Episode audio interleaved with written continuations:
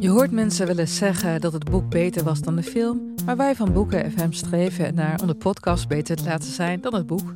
Wij lezen de klassiekers die je nog niet gelezen hebt. We lezen de boeken die je heel graag wil lezen, maar waar je eigenlijk voor schaamt om in het publiek mee gezien te worden.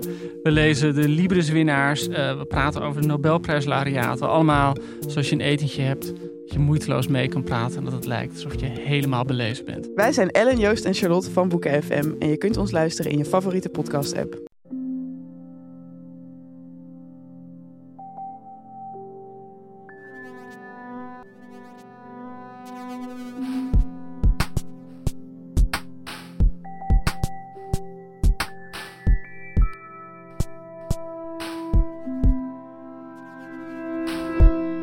Dit is Relaas. In Relaas vertelt iemand een verhaal over iets dat hij zelf heeft meegemaakt. Het verhaal van Peter start tijdens een koortsdroom in zijn kindertijd. Het is een verhaal over confrontatie met de andere, met vreemde dingen die je als kind niet altijd kunt plaatsen, maar waaruit je heel veel dingen leert en die je later levensloop kunnen bepalen.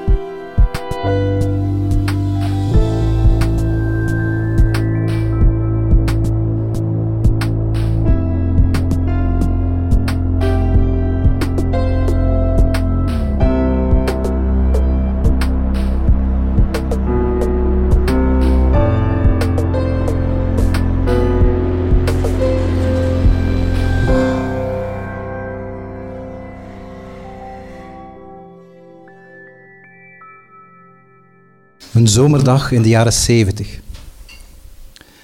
Het gezin waartoe ik behoor bestaat uit mijn broer, die twee jaar jonger is, en mijn ouders. Mijn vader is uh, schrijnwerker. Geen zelfstandige, hij pendelt iedere dag op en neer tussen Schellebelle en Brussel met de trein. Hij gaat daar gebouwen afwerken, hout afwerken, uh, deuren en ramen plaatsen voor een grote firma. Mijn moeder is huisvrouw, van opleiding naaister. Ze oefent haar beroep gedeeltelijk uit door thuis kledij te maken voor mensen uit de buurt. Maar ze is heel veel thuis, ze is heel veel in ons gezin. Ze wil zorg dragen voor ons, voor mij, mijn broer, voor mijn vader. Ons huis, het ouderlijk huis, ligt op het platteland. Een plattelandsweg, wat afgelegen, enkele huizen maar in de buurt. En het huis zelf is omringd door een tuin. Dus het ligt ook nog wat verderop weg van de straat. Ik ben ziek. Ik lig in bed. Ik voel me misselijk. Ik heb koorts. Het is zomer, het is ook nog warm. Ik heb enkel een laken over me heen getrokken. Aan mijn linkerkant de wand, de muur met het behangpapier dat me heel erg vertrouwd is. En nu ik ziek ben, kijk ik er nog meer naar dan anders. Ik herken de figuurtjes op het behangpapier. Het zijn dieren. Prettige, aangename wezens om naar te kijken. En ik verzin een verhaaltje over de dieren op mijn behangpapier. Ik neem deel aan dit verhaal. En door de koorts krijgt het hele verhaal een extra diepgang zak ik verder weg in het verhaal. Ik denk, straks ga ik mijn hoofd naar rechts draaien, naar het raam toe. Ik weet wat ik zal zien. Ik weet wat daar te zien is. De tuin, het gras, de zilverberg, de schommel, waar we zo heerlijk op spelen, mijn broer en ik, als we gezond zijn. Ik besluit mijn hoofd naar rechts te draaien om te zien wat ik denk dat ik zal zien. Ik doe dat en ik zie een gelaat. Een gelaat van een mij totaal onbekende vrouw die zich heel hard tegen het glas aanduwt. Ze zet beide handen aan, aan weerskanten van haar gelaat als schelpen, zodanig dat ze de weerkaatsing van haar eigen gelaat en de weerkaatsing van de tuin kan vermijden en heel diep de kamer kan inkijken. Ik zie hoe ze kijkt naar mij. Ik zie hoe ze de kamer rondkijkt. Heel even denk ik dat ik in een koortsdroom ben beland en ik doe mijn ogen dicht en hoop van als ik die ogen weer open doe dat die vrouw zal verdwenen zijn. Als ik dat doe, dan is er nog steeds. Dit moet echt zijn, die vrouw moet hier staan. Ik word angstig. Ik sla in paniek. Ik begin te roepen en te schreeuwen. En ik hoor hoe mijn moeder vanuit de keuken de gang door naar mijn kamer komt. Binnenkomt, me vraagt wat er scheelt en ik wijs naar het raam. En wat zij doet is naar het raam toestappen, heftig gesticulerend, gebaren makend. En ze noemt de naam van de vrouw en ze roept dat die vrouw moet weggaan. Dat gebeurt ook onmiddellijk. De vrouw verlaat onmiddellijk het raam, loopt weer de tuin over en weer de straat op. Ze is weg. Moeder keert zich naar me toe en zegt van dat het oké is, dat ik niet bang hoef te zijn. Ze zegt, ik ken die vrouw. Ze heeft het moeilijk vaak. Ze doet soms rare dingen, dingen die wij niet verstaan.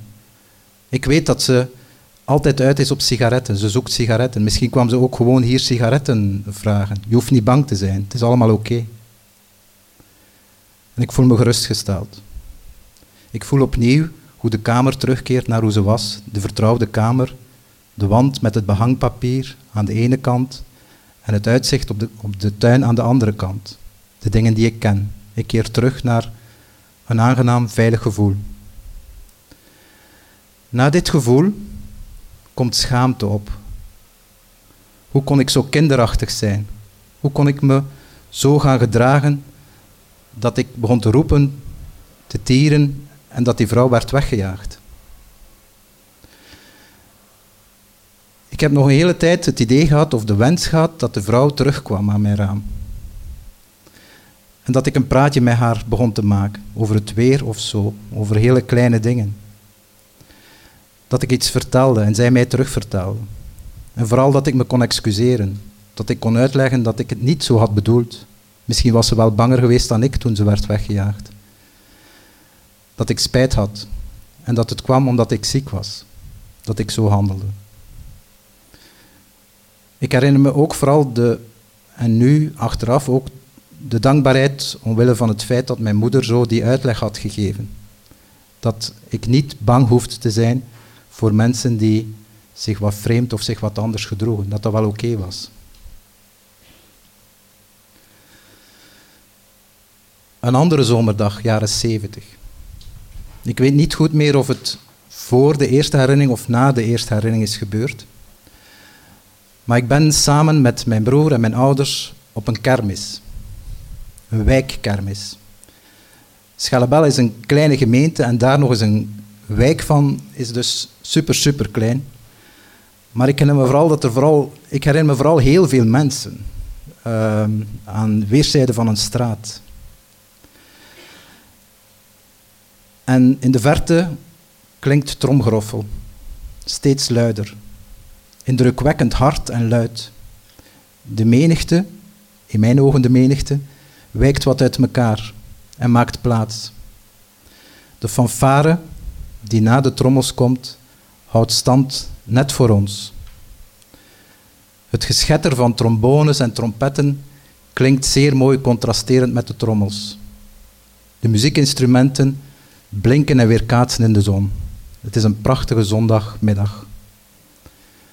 Voor de fanfare, voor de trommels uit, loopt een majorettenkorps. Jonge vrouwen in minirok, witte laarsjes, hoge hoeden en ze gooien hun majorettenstokken hoog de lucht in. Die maken tuimelingen en gelijktijdig vangen de majorettes de, de stokken weer op. Een perfect gecoördineerd schouwspel. Waar het niet dat voor de majoretten uit een vrouw loopt. Lang, sluik haar, lange tijd niet meer gewassen. Vuile kledij. Maar ze zingt en ze danst en ze gooit haar handen wijd in de lucht als de muziek speelt. Als de fanfare stilhoudt, halt houdt, dan stopt zij ook. En ze kijkt achterom. Ze wacht. Als de fanfare zich weer in beweging zet, dan zet zij ook zich weer in beweging. Als was het alsof zij zelf de dirigent was van het hele schouwspel. Alsof zij zelf de hele leiding had over de majorettes en de trommels en de fanfare. Zij is het centrum. En het is kermis ook voor haar en ze is blij. En ik vraag aan mijn moeder wie die vrouw is en zij kijkt mij eventjes aan alsof ik dom ben en het niet weet. En geeft geen antwoord. En wat ik vooral onthoud, is hoe de mensen rondom, rondom die vrouw, ofwel lachen samen met haar, ofwel haar uitlachen, dat kan ook. Maar vooral dat ze het oké vinden dat die vrouw daar is, op die plaats, in het centrum van het hele gebeuren. Dat dat geen probleem is. Voor mij heeft dat indruk gemaakt en heeft dat het idee gemaakt van, kijk, als mensen die het moeilijk hebben, lastig hebben en zich een beetje anders gedragen dan anderen, dan is daar ook wel een plaats voor. Dan kunnen die daar ook zijn, zelfs in het centrum van de belangstelling.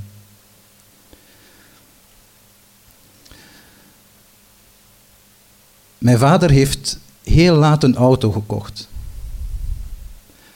Het was een kleine auto. Ik weet niet of dat jullie het merk kennen, een DAF, een bruine DAF. Een automatiek. Want mijn vader kon niet rijden. In die tijd mocht je nog gewoon naar het gemeentehuis stappen en je rijbewijs afhalen. En dan kocht je een wagen en dan gaf de garagist je een drie à viertal lessen en dan kon je gewoon de straat op. Dat was voor ons een hele belevenis om mee te rijden met de wagen. Wij waren het niet gewoon als kind van in de eigen wagen te zitten. Dus het was altijd een beetje feest voor ons om samen mee te rijden. En ik herinner me een van die tochten tussen Schellebelle en, en Aalst. En er moet een wegomleiding geweest zijn.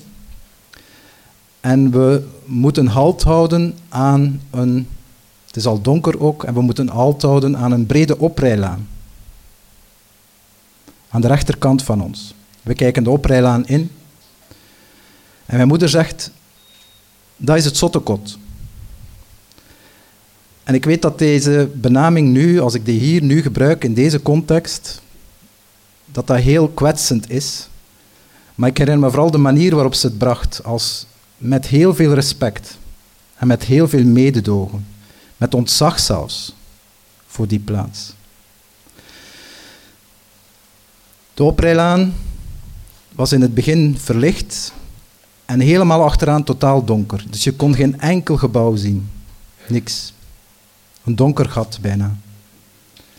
En ik vraag aan mijn moeder van wie zijn die mensen die daar verblijven? Wie zijn die mensen die daar therapie volgen of activiteiten volgen? En ze kan me daar geen enkel antwoord op geven. Ze weet het niet. Ik meen dat op dat moment voor mij de fascinatie en het willen weten van wat daar in de instellingen gebeurt ontstaan is. Ik weet dat ik op dat moment dacht van ik wil op die plaatsen komen, ik wil op die plaatsen zijn, ik wil bij die mensen samen zijn en kijken wie ze zijn en ik wil hen leren kennen en ik wil samen met hen op weg gaan. Dat was mijn verlangen toen. Jaren later hoorde ik dat er een zus van mijn grootvader 30 jaar op die plaats had verbleven. 30 jaar lang had ze daar gewoond. Er werd niet veel over die vrouw verteld in de familie, behalve dat ze heel achterdochtig kon zijn en vanuit de achterdocht soms ook heel kwaad en boos en agressief kon zijn. In onze familie waren er allemaal koppels, paren. En er was één man, de schoonbroer van mijn grootvader, die alleen was. Zijn vrouw was dus in opname in Leden, dat wist ik pas achteraf. En dat fascineerde mij ook, die man die alleen was en waar nooit iets over werd gezegd hoe het kwam dat hij ook alleen was. Ik heb de vrouw nooit ontmoet, maar bij haar had ik ook hetzelfde gevoel als bij de mensen die ik mij kon voorstellen in die donkere ruimtes op de avond dat we stopten langs de kant van de weg, had ik hetzelfde gevoel. Ik had die vrouw willen kennen, ik had bij haar willen zijn, ik had naar haar willen luisteren, ik had willen weten wie zij was. Wat ik me van mijn moeder ook herinner is de uitspraak, ik ga het niet in Schellebel zeggen, maar in Nederlands. De mensen zijn raar, mens. De mensen zijn raar ik heb zo het gevoel dat zij misschien wel meer vertelde dan wat ze dacht te vertellen. Want raar komt ook voor in het woord eigenaardig. En als je eigenaardig zegt, dan wil dat zeggen een eigen aard. En raar is ook een Engels woord, rare, dat verwijst naar zeldzaam zijn, maar ook naar uniek zijn. En als er iets is, denk ik, wat belangrijk is om te weten, dat is wat raar zijn, wat mensen zijn, dat we eigenlijk allemaal ons eigen verhaal hebben, ons eigen achtergrond hebben en dat we allemaal, allemaal uniek zijn. Dank u.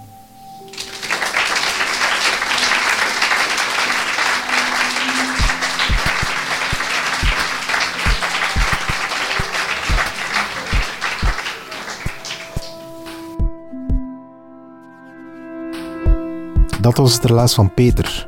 Hij vertelde het in Gent in het voorjaar van 2018. Het was op een vertelavond die we organiseerden samen met de mensen van Enchanté. En Enchanté is een netwerk van mensen die zich inzet voor zij die het nodig hebben. En Peter is een van die mensen uit dat netwerk. Wij zijn trouwens altijd op zoek naar goede verhalen. Dus als je een idee hebt voor een verhaal, dan mag je dat altijd droppen op onze website www.relaas.be. We krijgen heel veel tips, maar onze vrijwilligers gaan ermee aan de slag en ze proberen iedereen te contacteren.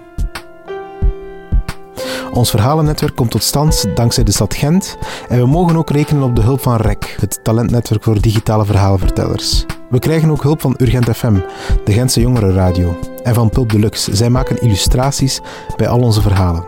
Je moet maar eens de website checken. Onze medewerkers zijn Sarah de Smet, Egwin Gontier, Katlijn de Vries, Stefan Gruijaert, Sarah Latré, Timon van de Voorde, Lien Somers, Anneleen Schelstraten, Marleen Michels, Ruby Bernabeu Plaus, Jurgen Strooband, Steve Konaar, Charlotte Huigen, Evita Nocent, Dieter van Huffel, Philip Cox, Silke Durie en ik ben Pieter Blomme. Deel dit verhaal binnen je eigen netwerk. Vertel een vriend over relaas. Dat is het mooiste wat je voor ons kunt doen. Dankjewel hoor.